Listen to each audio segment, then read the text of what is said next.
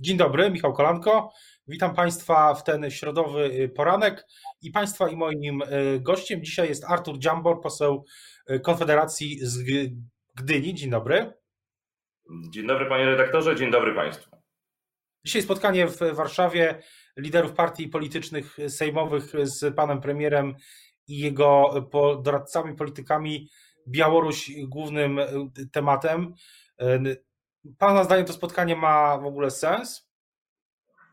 No, no, oczywiście, że ma sens, dlatego że są to sprawy międzynarodowe, a w sprawach międzynarodowych dobrze by było, gdyby klasa polityczna tak zwana e, miała jeden głos. No bo rzeczywiście jest to tak, że no, e, w tym przypadku e, mamy do czynienia po pierwsze z sąsiadem, po drugie z sąsiadem, który ma no nie, historycznie i też z natury rzeczy ma dosyć dużą Polonię.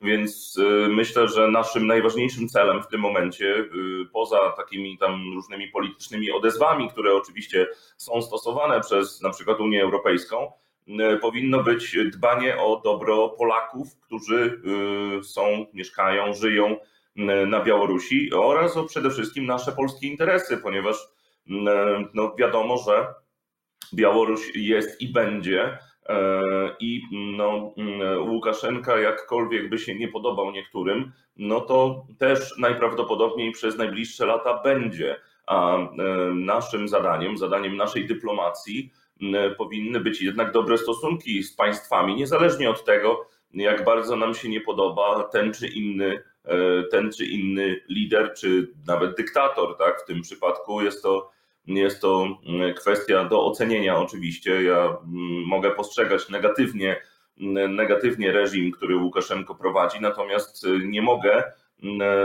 patrzeć, y, patrzeć z boku na to, że no jednak są tam Polacy. To po pierwsze, po drugie, no jednak my robimy z Białorusią interesy, konkretne interesy, które nie mogą być zaburzone naszą jakąś y, walką polityczną o to, żeby no, lider tam, tamten E, ustąpił i odszedł i zrezygnował, dlatego że tak trzeba. A czy Konfederacja miała w ogóle wątpliwości, czy pojawić się na tym e, spotkaniu z e, panem premierem?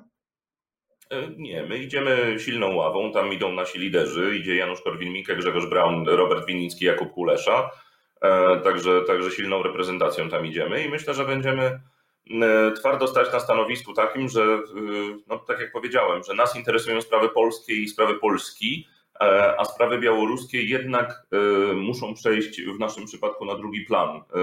I tak jak powiedziałem, chyba wszyscy jednoznacznie oceniamy negatywnie ten reżim, który, któremu dowodzi Łukaszenko na Białorusi.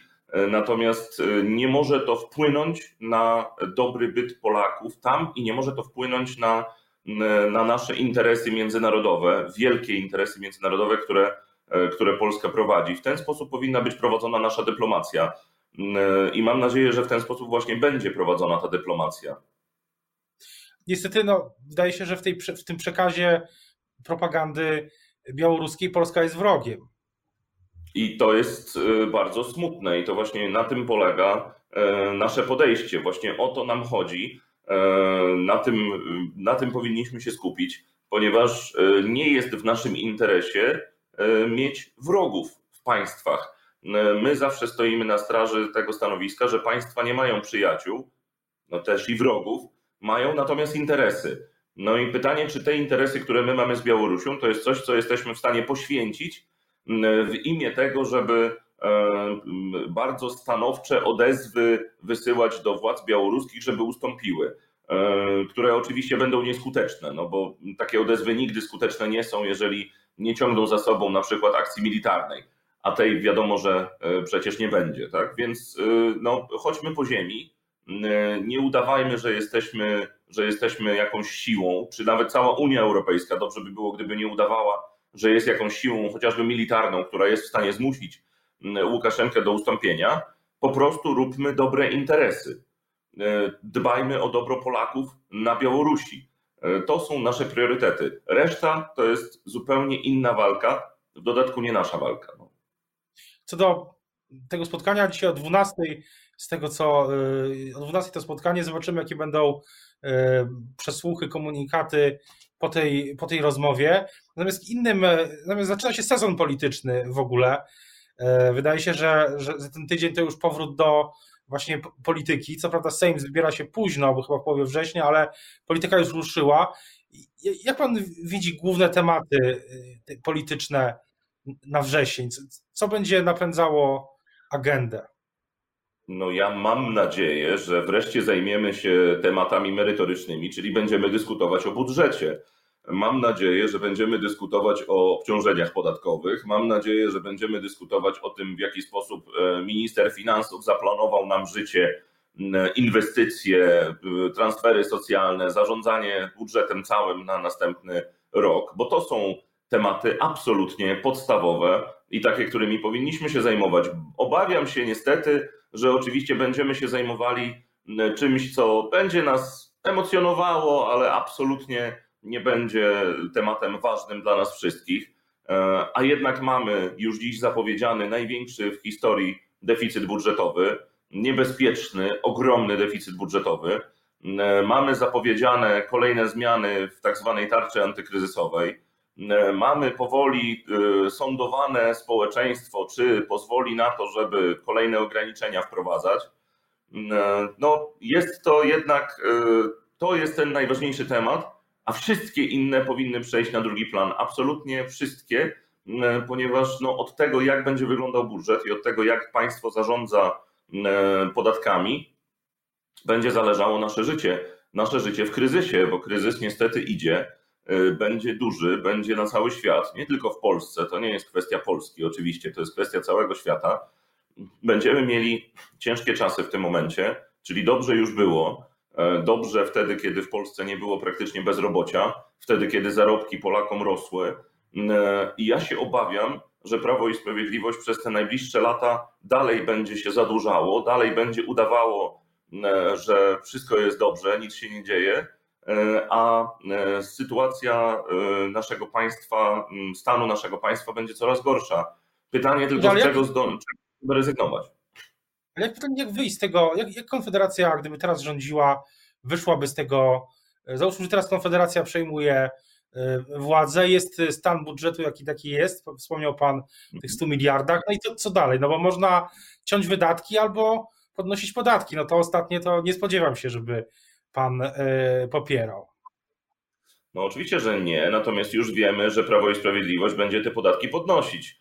E, mamy dopiero co wprowadzony podatek od cukru, a za chwilkę będziemy mieli podatek od deszczu. Mm, I wszyscy ci, którzy mieszkają w domkach, będą musieli płacić grzecznie 1350 zł rocznie za karę za to, że śmieli w domkach mieszkać. E, więc, więc tak naprawdę no, tego jeszcze będzie dużo więcej. Podejrzewam, że ich inwencja twórcza, jeżeli chodzi o podatek od czegokolwiek, jest nieograniczona mm, i tego się obawiam. Ciąć wydatki no pytanie, co ciąć, bo oczywiście ja jestem cały za tym, żeby ciąć wydatki. Tylko problem polega na tym, że Prawo i Sprawiedliwość utrzymuje się przy władzy, mimo tak nieudolnego rządzenia e, ogólnego, właśnie dzięki temu, że doprowadziło do gigantycznych transferów tak zwanych socjalnych, czyli do ogromnych zobowiązań państwa, a zobowiązania państwa wobec obywateli są bardzo trudne do zlikwidowania, szczególnie gdy są traktowane jak prawo nabyte. Więc no niestety e, jesteśmy w stanie e, dosyć trudnym, ponieważ Prawo i Sprawiedliwość związało ręce nawet ewentualnej opozycji, która kiedyś mogłaby zdobyć władzę i e, chcieć wprowadzać reformy. Natomiast na czas kryzysu najważniejsze jest dla Polaków, żeby mieć w ręce pieniądze, prawdziwe pieniądze, te, które mają dużą wartość, te, które nie spadają w wartości z dnia na dzień przez ogromną inflację, którą mamy ukrywaną i co do której jesteśmy okłamywani E, cały czas, a więc po prostu więcej pieniędzy w rękach Polaków, a to można zrobić nie kolejnymi 500 plusami, tylko właśnie radykalnymi obniżkami podatków. I jedna z naszych propozycji cały czas leży na stole, to jest podwyższenie kwoty wolnej do dwunastokrotności najniższej krajowej. To pozwoliłoby wszystkim tym, którzy najmniej zarabiają, nie płacić podatku dochodowego. To pozwoliłoby emerytom nagle z dnia na dzień dostawać emerytury o 200-300 zł wyższe miesięcznie. Mm, I to pozwoliłoby wszystkim ludziom pracującym dostać więcej pieniędzy. Zresztą nawet posłowie, którzy ostatnio mm, tam temat był podwyżek dla polityków, to przecież nawet posłowie na takiej podwyżce kwoty wolnej zyskaliby 400 czy prawie 500 zł miesięcznie prawie 500 zł miesięcznie do przodu by byli, tak? Dzięki takiej zmianie. Więc idźmy w tę stronę E, odpodatkowujmy Polaków, dajmy im możliwość, e, dajmy im możliwość zarabiania większych pieniędzy dzięki temu, że obciążenia fiskalne będą mniejsze i wtedy te pieniądze będą mogli no, albo inwestować, albo zabezpieczać się na te ciężkie czasy, bo problem, jaki mamy, jest taki, że Prawo i Sprawiedliwość rządziło w czasach, kiedy wszystko było dobrze, kiedy kraj się rozwijał, kiedy e, właśnie gospodarka hulała, kiedy bezrobocia nie było praktycznie i kiedy mm, były duże inwestycje. I kłopot polega na tym, że Prawo i Sprawiedliwość zamiast gromadzić e, fundusze na ciężkie czasy, które wiadomo, że po tak dobrych czasach przyjdą, no oni te fundusze rozdawali po to, żeby utrzymać się przy władzy, no bo dobrze wyliczyli, mądrze wyliczyli, że to jest jedyny sposób. No i teraz mamy problem, a oni nie są za dobrzy w rządzeniu w kryzysie. Wracając do Ministerstwa Finansów, to ostatnio z Ministerstwa Finansów e, poszedł, to dosyć niektórzy byli też tym zaskoczeni, poszedł sygnał, że możliwy jest częściowy, przynajmniej drugi lockdown jesienią. Co pan na to? No to powiedział sobie jeden z wiceministrów finansów właśnie, że jest taki scenariusz rozważany. Troszkę wyszedł przed szereg, myślę, ponieważ to są sygnały, których nie powinien wysyłać żaden członek rządu ani żaden członek partii rządzącej. Oczywiście jest to jakiś element sądowania nastrojów, no bo wszyscy się na to rzucili, a więc partia rządząca ma natychmiast sygnał, że no nie możemy tego zrobić, bo nas po prostu pożrą, tak? E, minister edukacji, który, co do którego też przecież były obawy, że za chwilę się dowiemy, że szkoły nie mogą ruszyć, bo przecież wirus krąży, tak? Nagle się okazało, że wszyscy stwierdzają, że dzieci wirusa nie przenoszą. A minister edukacji mówi, że szkoły mogą wrócić do normalnej pracy. Ja się cieszę, bo ja dokładnie to uważałem, że szkoły mogą wrócić do normalnej pracy i nauczyciele i dzieci, ale rzeczywiście, ale rzeczywiście ta decyzja rodziła się w bólach ogromnych. E, szczególnie, że no minister zdrowia, który był, e, miał tendencję do zmiany swoich decyzji o 180 stopni względem tego, jak mamy się zabezpieczać. I akurat tutaj w tym temacie minister, minister edukacji nie za bardzo miał coś do gadania. On po prostu musiał przyjąć do wiadomości, że minister zdrowia nie pozwala na to, żeby szkoły ruszyły. Ale na dziś szkoły na szczęście za parę dni ruszają. Ja również e, zaprowadzam moje, moje bliźniaki do żłobka 1 września i mam nadzieję, że wszystko ruszy i że nie będziemy mieli takiego problemu jak kolejny lockdown w październiku, tak? bo to jest chyba ten najważniejszy temat. Róbmy wszystko, miejmy nadzieję, że rząd sobie na to nie pozwoli. Myślę, że wielu Polaków tego lockdownu się e, obawia. Było wiele dyskusji o tej drugiej fali epidemii, też e, wszyscy śledzą na pewno to, co dzieje się w innych krajach. Ale wracając jeszcze do E, samej Konfederacji. Jaki jest, jakby pan określił plan polityczny Konfederacji właśnie na ten początek nowego sezonu? No bo był sezon, skończyła się kampania wyborcza, później były wakacje z Konfederacją Państwa Projekt. Co dalej? Co, co, co Konfederacja chce robić i jak się też, e, jak to się ładnie mówi, pozycjonować w tej w polityce? Wakacje z Konfederacją się skończyły faktycznie, ale to był objazd po zachodniopomorskich i pomorskich miejscowościach nadmorskich Natomiast my dalej jeździmy po kraju. Ja byłem tydzień temu w Świeciu, wczoraj w Iławie, e, za tydzień jestem, w, e, teraz jestem w Łodzi, w weekend potem w Pile, potem, potem dalej będę jeździł i krążył po kraju. I tak samo inni posłowie Konfederacji. Spotykamy się, spotykamy się z naszymi sympatykami, z naszymi wyborcami na spotkaniach, e, czasem takich typowo wykładowych, czasem luźniejszych, jak słynne piwa z politykami. E, tak, robimy różne rzeczy po to, żeby po prostu no, pokazać, że dużo się nie zmieniło. Poza tym, e, że no, musimy wykonywać pewną pracę merytoryczną, no to tyle, ile czasu mamy, tyle możemy poświęcić na spotkania, na spotkania z Polakami. E, dalej będziemy wykonywali swoją pracę tak, jak dotychczas wykonywaliśmy, czyli no, nie możemy niestety z racji tego, że jesteśmy kołem 11-osobowym składać swoich własnych ustaw. Liczymy troszkę na pomoc kolegów z innych klubów Natomiast dalej będziemy składali swoje poprawki do projektów, które będą się pojawiały i mam nadzieję, że będzie teraz już trochę więcej czasu na to, żeby przeprowadzić merytoryczną dyskusję na temat tych poprawek, a nie tak jak w przypadku tarcz antykryzysowych, po prostu blokowo odrzucić wszystkie bez dyskusji, ponieważ to są poprawki Konfederacji, więc na pewno są głupie. Tak, więc e, no tak to było niestety w Prawie i Sprawiedliwości. To było podejście obrzydliwe z ich strony. Mam nadzieję, że teraz tak nie będzie. No i cóż, no, y, widzimy, że ta praca merytoryczna się opłaca.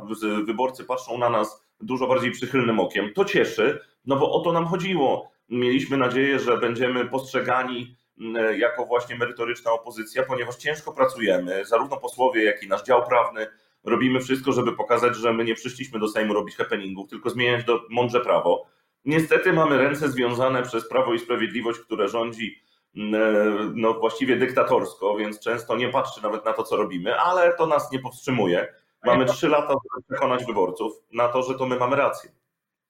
A jak pan ocenia, czy, czy, czy uważa pan, że te ostatnie y, sygnały, które sygnały, decyzje, y, wypowiedzi ze strony Solidarnej Polski y, dotyczące kwestii takich jak LGBT czy Unii Europejskiej, to jest też działanie wymierzone w Konfederację, żeby państwo, żeby Konfederacja za bardzo nie urosła w sondażach?